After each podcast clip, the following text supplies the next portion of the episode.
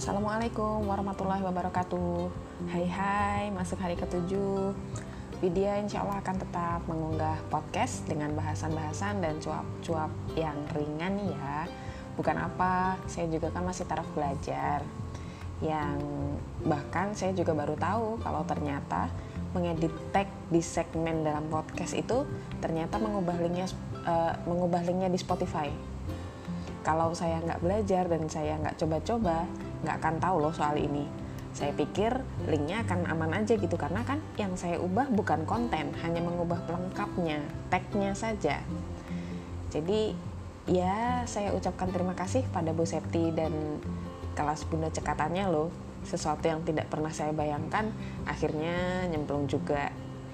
Oke, beberapa hari lalu saya membaca buku The Four Disciplines of Execution atau 4DX gitu ya, singkatannya 4DX memang yang ditulis oleh Chris McKesney dan Sean Covey. Ini sejujurnya buku yang berat guys. Dan tahu dong ya, kalau buku bacaan yang berat gini punya siapa? Jelas bukan punya saya. Itu punya Kakanda. Dan saya menemukannya di lemari rak buku kami di rumah. Dulu, dua hari sebelum kami menikah, Kakanda itu sempat mengupload sebuah foto dan dalam foto itu diberi apa namanya diberi caption kurang lebih captionnya gini. Fotonya foto apa dulu nih? Foto yang diupload waktu itu kalau nggak salah saya lupa lupa inget sih. Dan itu fotonya saya cari lagi nggak ada. Uh, foto berisikan 5 kardus rokok. Tahu dong ya kardus rokok itu sebesar apa? Itu penuh sesak berisi buku-buku. Terus captionnya bunyinya gini. Uh, bahwa dia nggak punya harta lain selain buku-buku itu. Buku-buku itulah hartanya dia menginginkan bahwa buku-buku itu turut serta ke mana pun kami pindah. Bahkan dari Banda Aceh ke Tangerang Selatan pun dibawa itu semua buku. Iya Kakanda itu sesuka itu sama yang namanya buku. Sekarang Kakanda itu sudah beralih ke buku-buku digital. Saya juga mulai diracunin.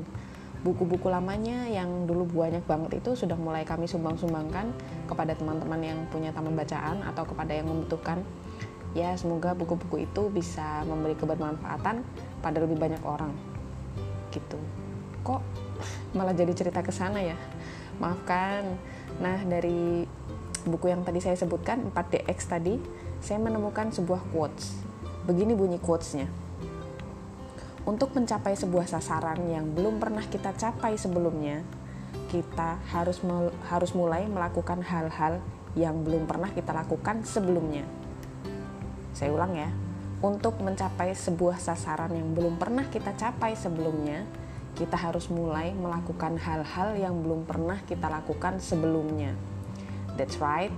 Saya merasa relate karena dalam bahasan ini saya ingin belajar public speaking yang mana saya belum tahu itu seluk beluknya akan bagaimana maka saya memberanikan diri nyemplung melakukan hal-hal yang bahkan saya belum pernah coba sebelumnya ya ini salah satunya bikin podcast lalu ini bagian dari proses ya hasilnya akan seperti apa itu murni saya nggak tahu kan katanya hasil itu tidak akan membohongi proses tidak akan membohongi usaha gitu dulu saya memulai Instagram juga nggak tahu bahwa akan bisa memberi dampak sedemikian besar pada kehidupan saya yang hanya seorang ibu rumah tangga. Iya, saya hanya seorang ibu rumah tangga biasa. Dan ternyata dari unggahan demi unggahan yang saya lakukan di Instagram, padahal biasa aja, ternyata bisa menjadi inspirasi bagi banyak orang. Awalnya ya tentu teman-teman terdekat, lalu kepada lebih banyak orang lagi dan lebih banyak lagi. Dan saya nggak tahu kalau saya tidak mencobanya kan, Nah, beberapa menit lalu saya pun menyimak podcast yang dibuat oleh Mbak Aukarin dan Mas Fatur.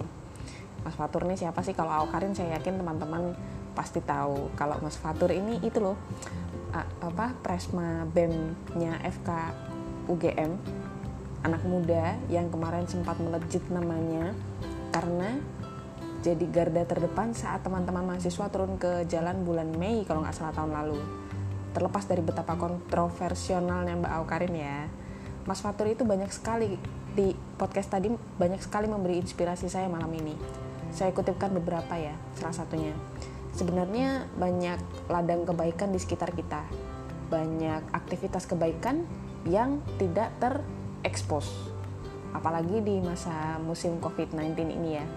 Saya yakin banyak sekali mereka yang tetap melakukan kebaikan meski tanpa sorotan kamera. Dan kalau kita bisa melakukannya, lakukan saja.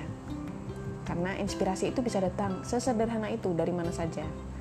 Peran-peran kita saat ini adalah versikan apa yang kita punya menjadi kebaikan, mengkonversikan apa yang kita punya menjadi sebuah kebaikan tadi Mas Fatur juga mengatakan menjadi orang baik saja itu tidak cukup. Tapi kita harus jadi sebaik-baik manusia. Dan sebaik-baik manusia itu yang seperti apa? Yaitu yang bermanfaat untuk orang lain. Kita harus jadi orang yang berdampak dan memberi kebermanfaatan. Selaras ya dengan salah satu value-nya ibu profesional yaitu berdampak. Menginspirasi ini bisa jadi salah satu bentuk berdampak sih menurut saya. Atau bisa juga sebaliknya kita diam-diam di rumah namun ternyata memberikan dampak. Kemudian menginspirasi banyak orang siapa tahu kan? Di era ini nggak ada yang nggak mungkin. Semua sangat mungkin terjadi.